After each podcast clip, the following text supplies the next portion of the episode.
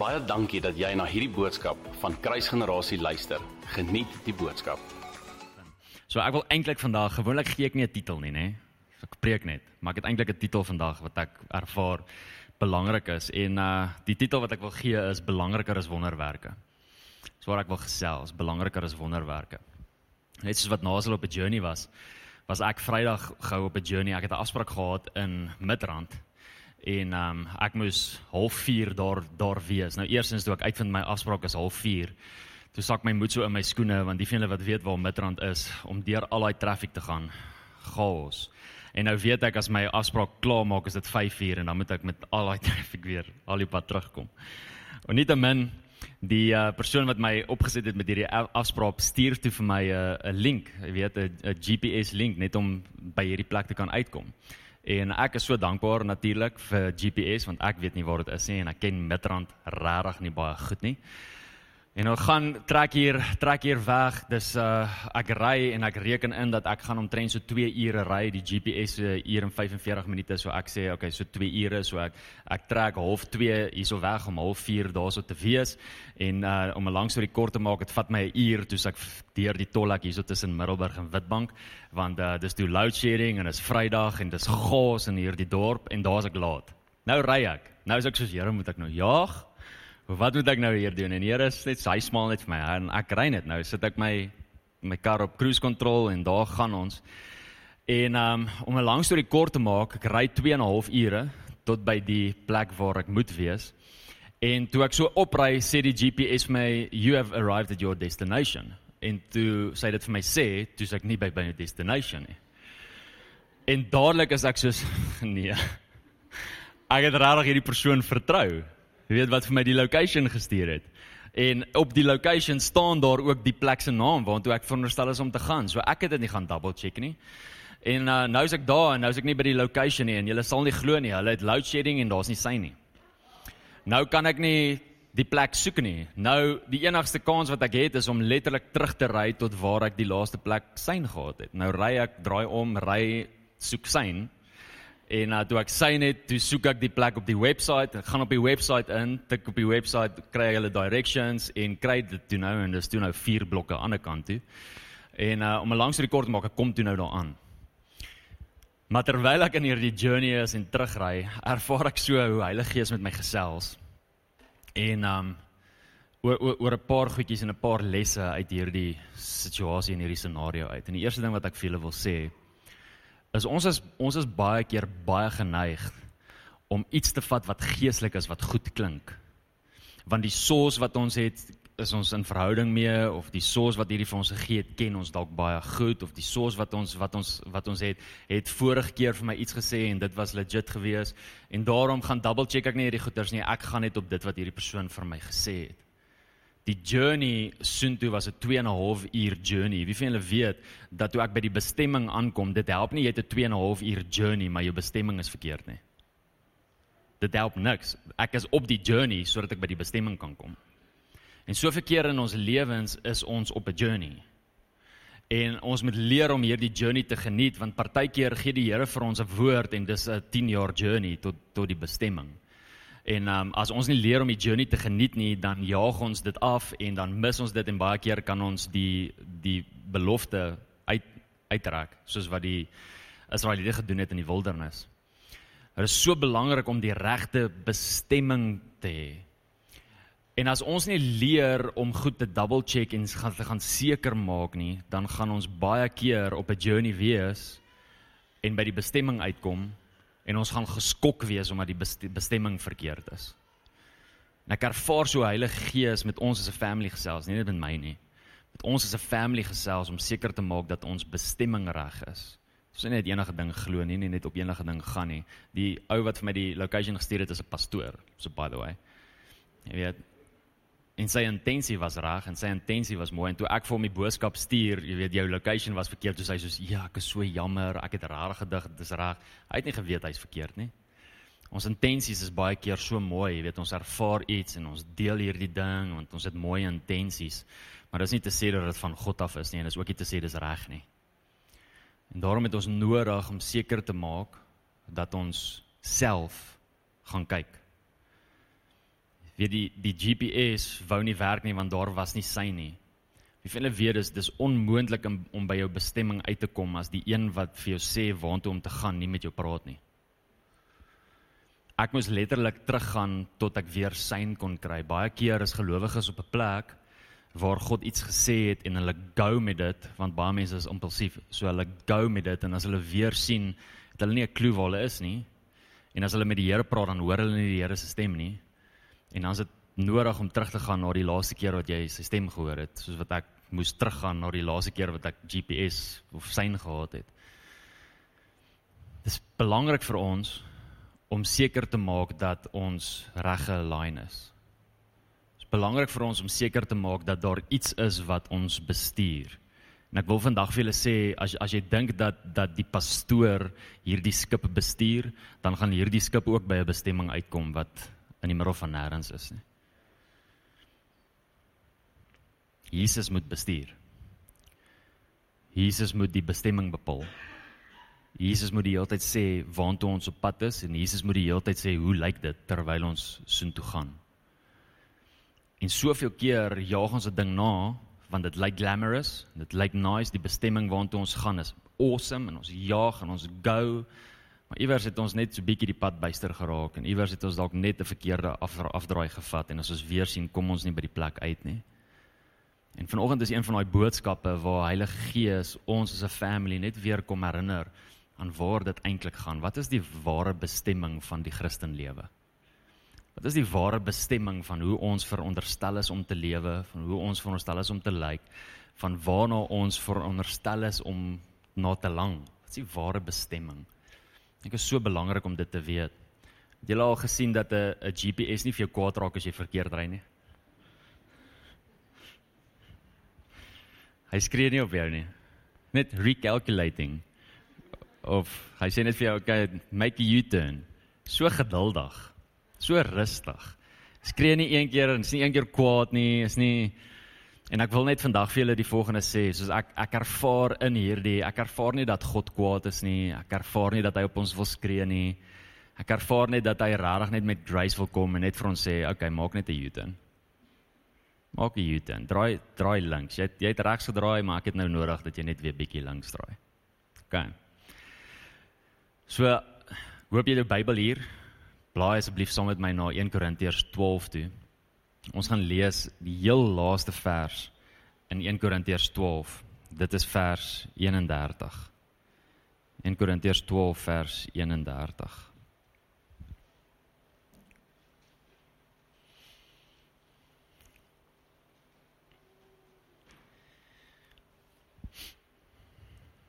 Voordat ek daar lees, net so 'n bietjie konteks.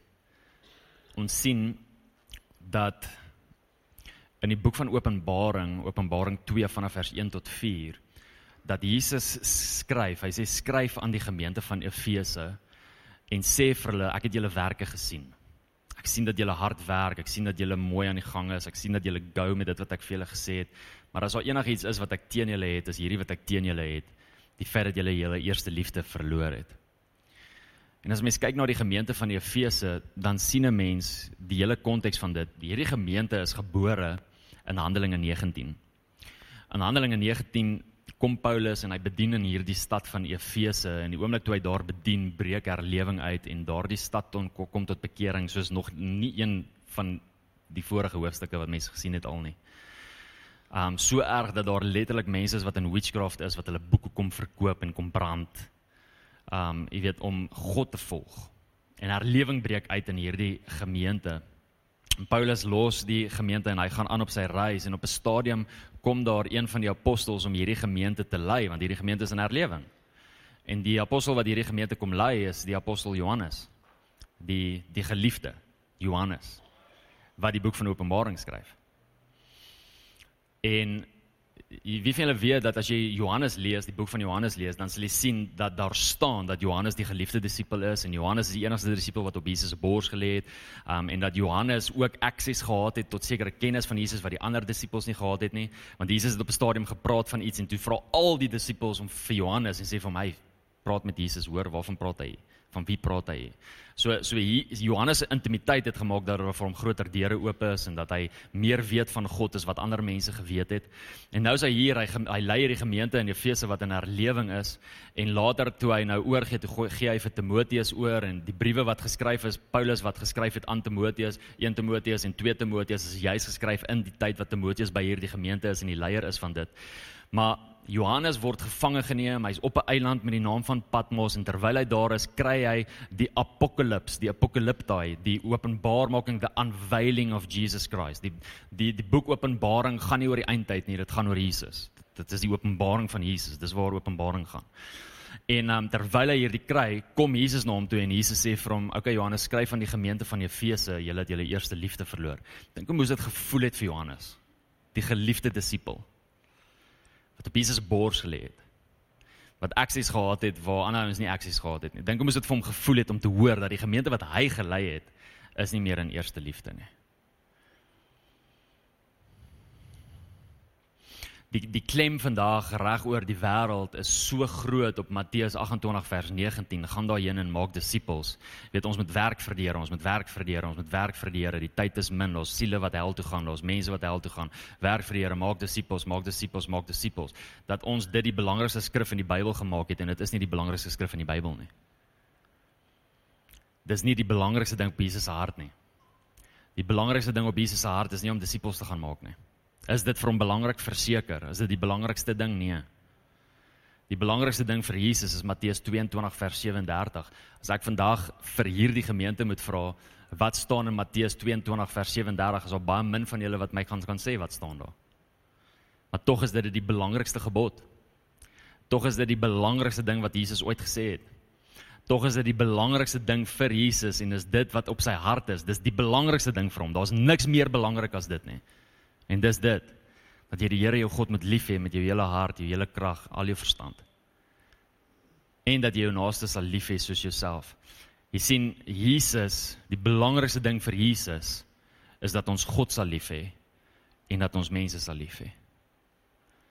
En ons as 'n familie kan nooit op 'n plek wees waar ons so agter wonderwerke aanhardloop dat ons die een wat die wonderwerke gee miskyk nie. Ons kan nie op 'n plek wees waar ons 'n gemeente is wat in herlewing is soos Efese en ons is nie in herlewing nie, ons is op pad soontoe.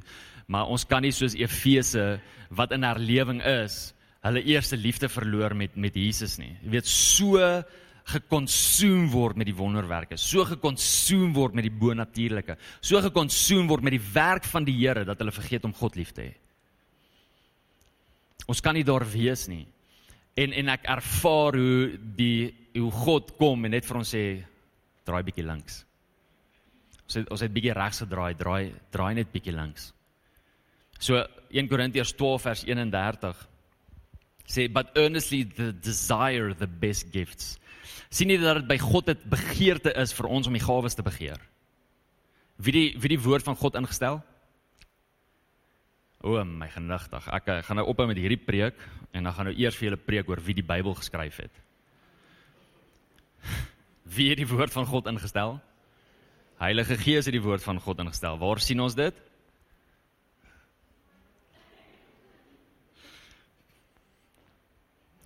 Kyk blaai asseblief saam met my. Sorry, ek ek kan nie aanhou preek nie, julle. Blaai asseblief saam met my na 1 Timoteus 3 toe. Sorry, 2 Timoteus 3. 2 Timoteus 3, is julle daar? Maar daar 2 Timoteus 3 2 Timoteus 3 vers 16 All scripture is given by inspiration of God. OK. So wie het die woord van God ingestel? God. Wie het die woord van God geïnspireer? God. Het die woord van God geïnspireer. So die oomblik wanneer ons die woord van God lees, wie se begeertes lees ons raak? Wie se instruction lees ons raak? God se. So as ons lees, earnestly desire the best spiritual gifts. Wie het 'n begeerte dat ons agter die gawes moet aanhardloop? God. Wie het 'n begeerte dat ons 'n begeerte het vir die gawes?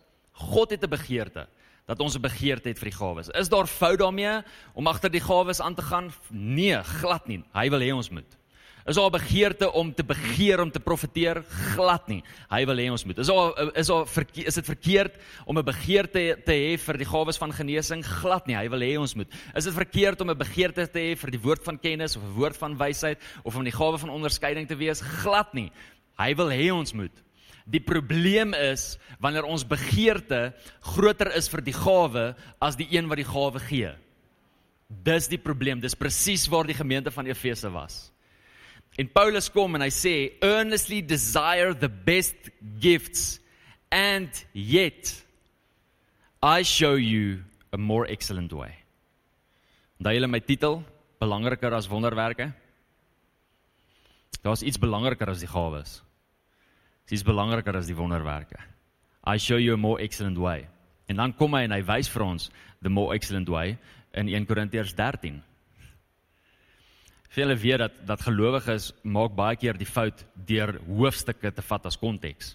Maar die konteks vir, vir 1 Korintiërs 13 begin al in hoofstuk 12. Die die die die die ouens wat die Bybel 'n kanon gemaak het en in in 'n boekbundel gesit het, het ons 'n guns gedoen deur hoofstukke en verse in te sit want anders is dit onmoontlik vir ons om cross-referencing te doen en om 'n gedeelte op te spoor. So prys die Here vir die feit dat daar iets is soos hoofstukke en verse. Maar hierdie brief is nie geskryf in hoofstukke en verse nie. Dis een brief. So 1 Korintiërs 12 vloei in 1 Korintiërs 13 in en hierdie is wat Paulus sê. Yet I show you a more excellent way 1 Korintiërs 12 vers 31. 1 Korintiërs 13 vers 1. Though I speak with tongues of men and of angels. Al praat ek Afrikaans en al praat ek 'n taal van die engele but have not love, I have become a sounding brass or a clanging cymbal. Sê so, hey, jy kan in tale praat, maar as jy nie liefde het nie, dan maak jy eintlik net 'n geraas. Dan klink jy verskriklik. Jy al gehoor hoe klink dit as eister teen mekaar kap? Dit is so irriterend. Ek weet nie of hierdie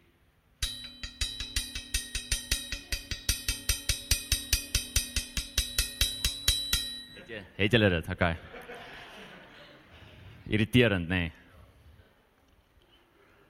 And though I have the gift of prophecy and understand the mysteries and all knowledge. Wow.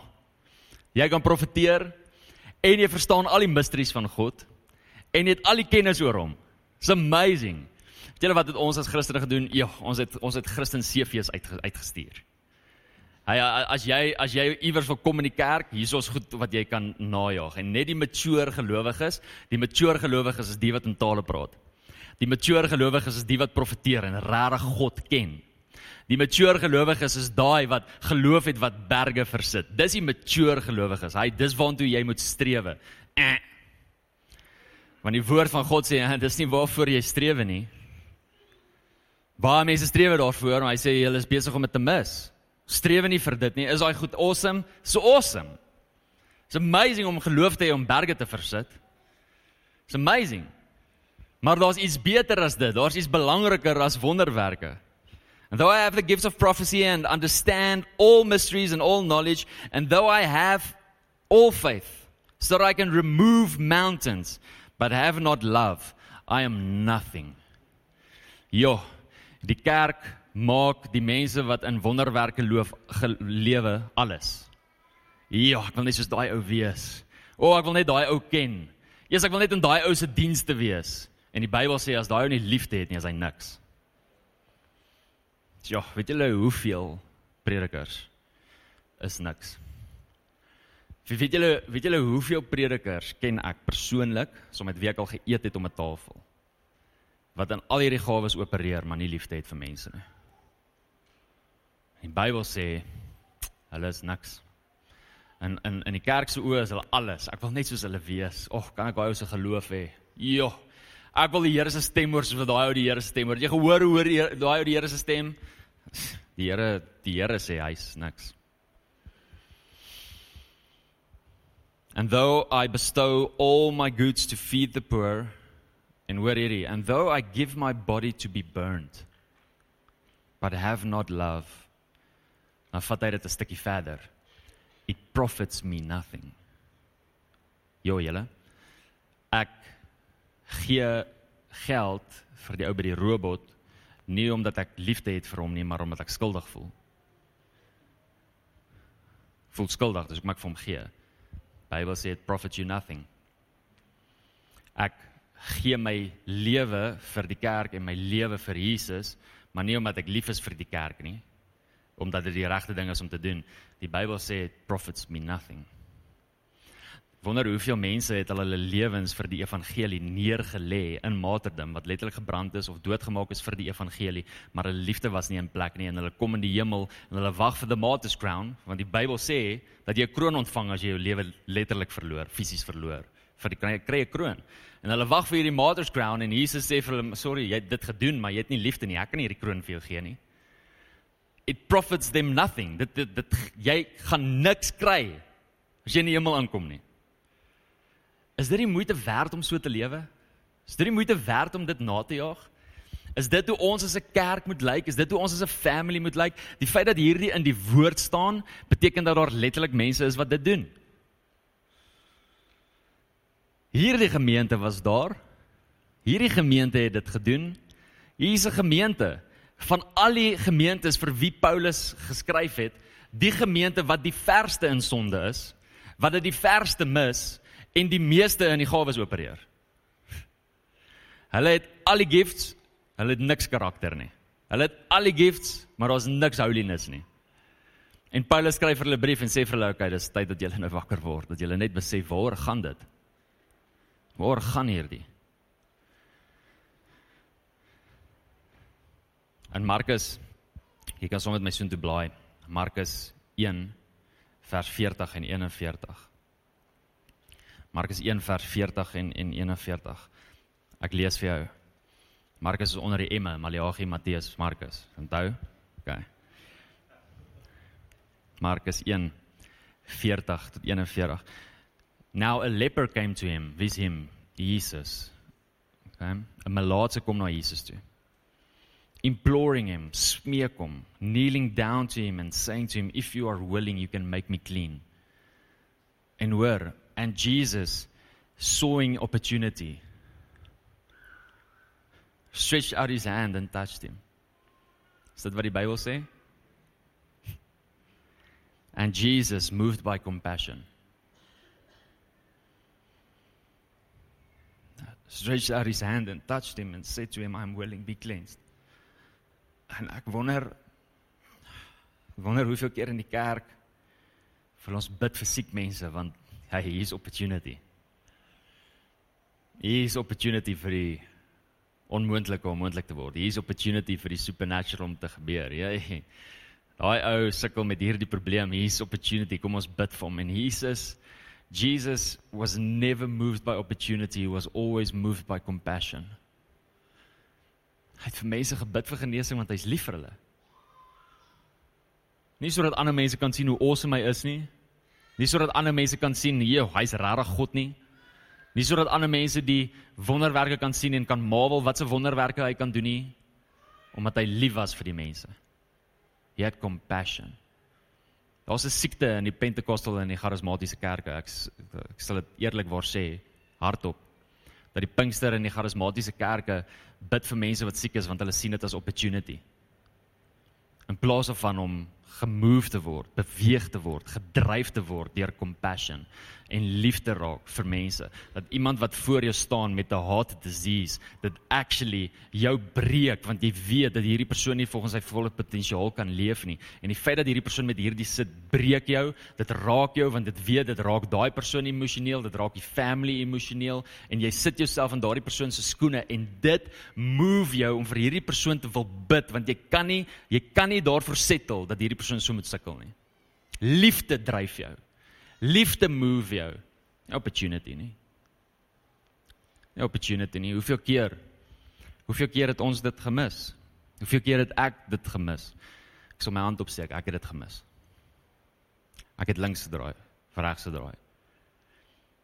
Ek hoor hoe die God die stem van die GPS net vir my sê Jan, make a U-turn. Is ons in die kerk lief vir mekaar? Weet Jesus het 'n begeerte, Matteus 22 vers 37, hy het 'n begeerte dat ons hom moet lief hê en hy het 'n begeerte dat ons mekaar moet lief hê. Dis sy begeerte. Uh, is als goed en wel dat ons sê ons het God lief. Maar weet julle dat die bewys van die feit dat ons sê ons het God lief lê in die feit dat ons mekaar liefhet. Dis wat die skrif vir ons sê, ek gaan dit nou vir jou lees. As ek sê ek het God lief, is die bewys daarvan dat ek mense liefhet. Het het ons mekaar lief?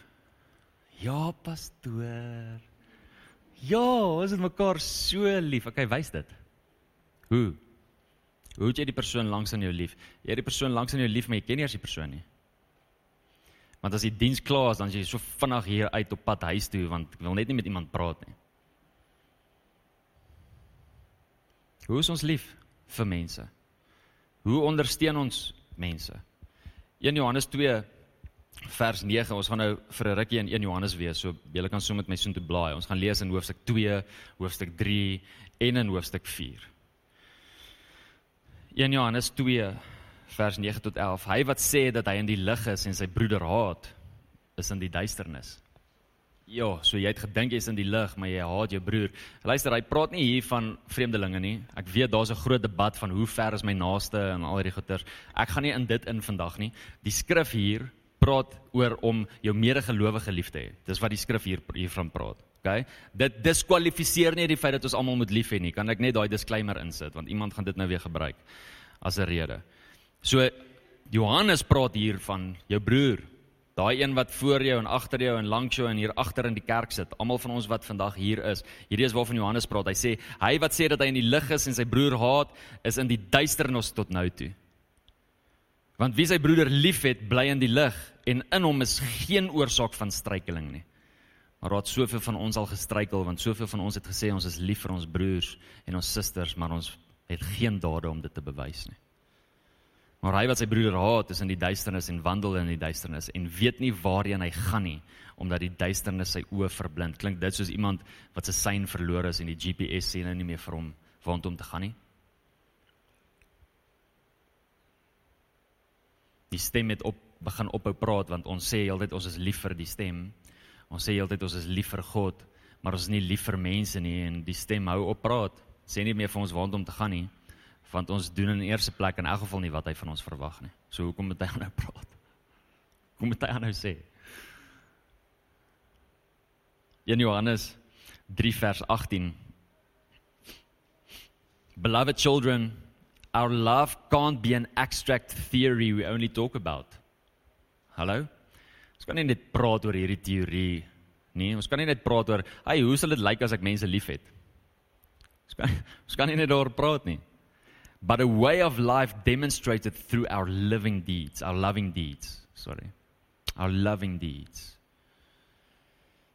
Kyk dan laaste gedeelte in in 1 Johannes 4. 1 Johannes 4 vers 7 tot 8, dan vers 11 en dan vers 20 en 21. Geliefdes, laat ons mekaar lief hê. Wie die wie die skrif ingegee? God. So wie sê hier met ons? Wie praat hier met ons dat ons mekaar moet lief hê? God. Geliefdes, laat ons mekaar lief hê. God sê vir ons, laat ons mekaar lief hê. Want die liefde is uit God. Want God is liefde. 1 Johannes 4 vers 8, 1 Johannes 4 vers 16, God is liefde. Want die liefde is uit God en elkeen wat liefhet is uit God gebore en ken God. Hy wat nie liefhet nie, het God nie geken nie. Ouch. Hy is mense jare in hierdie gemeente wat sê hulle het God lief, maar hulle het niemand in hierdie kerk lief nie en hierdie skrif sê dan het jy nie God lief nie. Dan ken jy nie God nie. Ouch. Vers 11. Geliefdes, as God ons so lief gehad het, behoort ons ook mekaar lief te hê. Die konteks daar is dat hy ons eerste lief gehad het en dat hy sy seun vir ons gestuur het. Dis dis wat hy daar sê. En as God ons so lief gehad het, dan moet ons ook so mekaar lief hê. Vers 20. As iemand sê ek het God lief en sy broeder haat, nee, nie die ou op straat nie, luister sy broeder. Die een in die kerk. As jy sê jy het God lief en jy haat die een in die kerk, is jy 'n leenaar. Want wie sy broeder wat hy gesien het, nie liefhet nie, hoe kan hy God lief hê wat hy nie gesien het nie? En hierdie gebod het ons van hom dat hy wat God liefhet, ook sy broeder moet lief hê. Ja, so God het dit ingestel en dan kom herinner hy ook net oor wie hierdie sê. Hierdie gebod het ons van God af. En hy sê dat dat hy wat sê dat hy God liefhet, ook sy broer sal sal lief hê. Dis family, ek ek dink ek dink ons mis dit op soveel areas van ons lewens. Jy sien want ons ons is so eksklusief. Ons is so selfgesentreerd. Ons is so oogklappig dat ons miskyk dat ons nie sien waardeur mense gaan nie dat ons nie daar is om mekaar te ondersteun nie dat ons nie daar is om mekaar lief te hê en mekaar se laste te dra soos wat Paulus sê in Galasiërs nie Laaste skrifgedeelte Kolossense 3 Sorry Leandre ek weet daar was nog maar ek gaan hulle skiep so die heel laaste ene Kolossense 3 vers 13 tot 14 Lees ook vir julle in die Engels. Tolerate the weaknesses of those in the family of faith. Sjoe. Ek gaan daai weer lees. Mag die woord van God regheid sny in jou hart vandag. Tolerate the weaknesses of those in the family of faith. Forgiving one another in the same way you have been graciously forgiven by Jesus Christ. If you find fault with someone, release this same gift of forgiveness to them. For love is supreme and must flow through each of these virtues. Love becomes the mark of true maturity. Love becomes the mark of true maturity. Nie hoeveel demone jy uitgedryf het nie nie hoeveel wonderwerke die Here deur jou hande gedoen het nie. Nie hoe groot jou geloof is en hoe God vir jou voorsien nie. En in watter vywer jy loop nie. Nie hoeveel deure die Here vir jou oopmaak nie. Liefde. Liefde is die merk, liefde is die bewys van hoe mature jy is. Deur mekaar lief te hê. Deur mekaar te ondersteun. Deur daar te wees vir mekaar. En ons soveel keer mense in ons family wat deur tawwe tye gaan en dan gaan hulle alleen deur hierdie tawwe tye. Want die family reik nie uit nie. En ek was ook al daar, ek was ook al skuldig. Wie van julle weet dis vir my onmoontlik om letterlik by almal van julle uit te kom deeltyd. Ek kan nie. Dis regtig onmoontlik. En baie van julle was al kwaad vir my en baie van julle het al rede gehad om vir my kwaad te wees. En ek het al baie van julle om vergifnis ook gevra. Maar julle weet dat dit nie net die pastore en die ouderlinge is wat veronderstel is om mekaar te ondersteun, mekaar by te dra nie, maar dat ons 'n family is. En as Boetie deur tawwe tyd gaan, dan is Sissie daar vir Boetie of Boetie vir Sissie of Boetie vir Boetie en Sissie vir Sissie. Ons is daar vir mekaar. So wag net vir pappa om te kom nie. As Sissie van die klemram afval, dan sê ons nie vir Sissie, "O, oh, Sissie, dis nou so jammer dat jy nou van die klimmerom afgeval het. Pappa werk nog vir 4 ure, so hy sal as hy 5 uur by die huis kom, sal hy tot jou tent, okay? Lê net nog bietjie daar."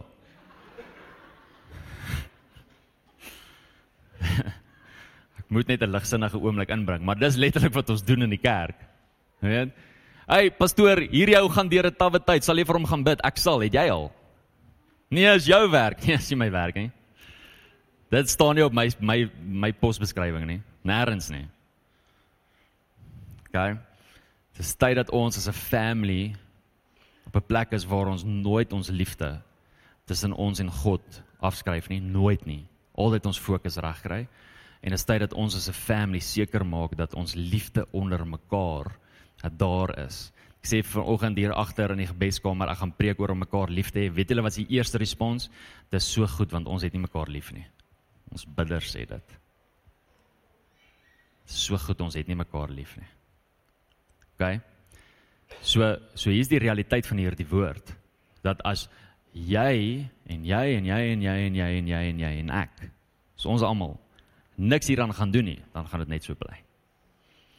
Maar as ons regtig begin uitreik, regtig begin lief hê, regtig begin omgee, en regtig net verby myself begin kyk want gaan lees die res van 1 Korintiërs 13 love does not seek its own. Liefde gaan nie oor jouself nie.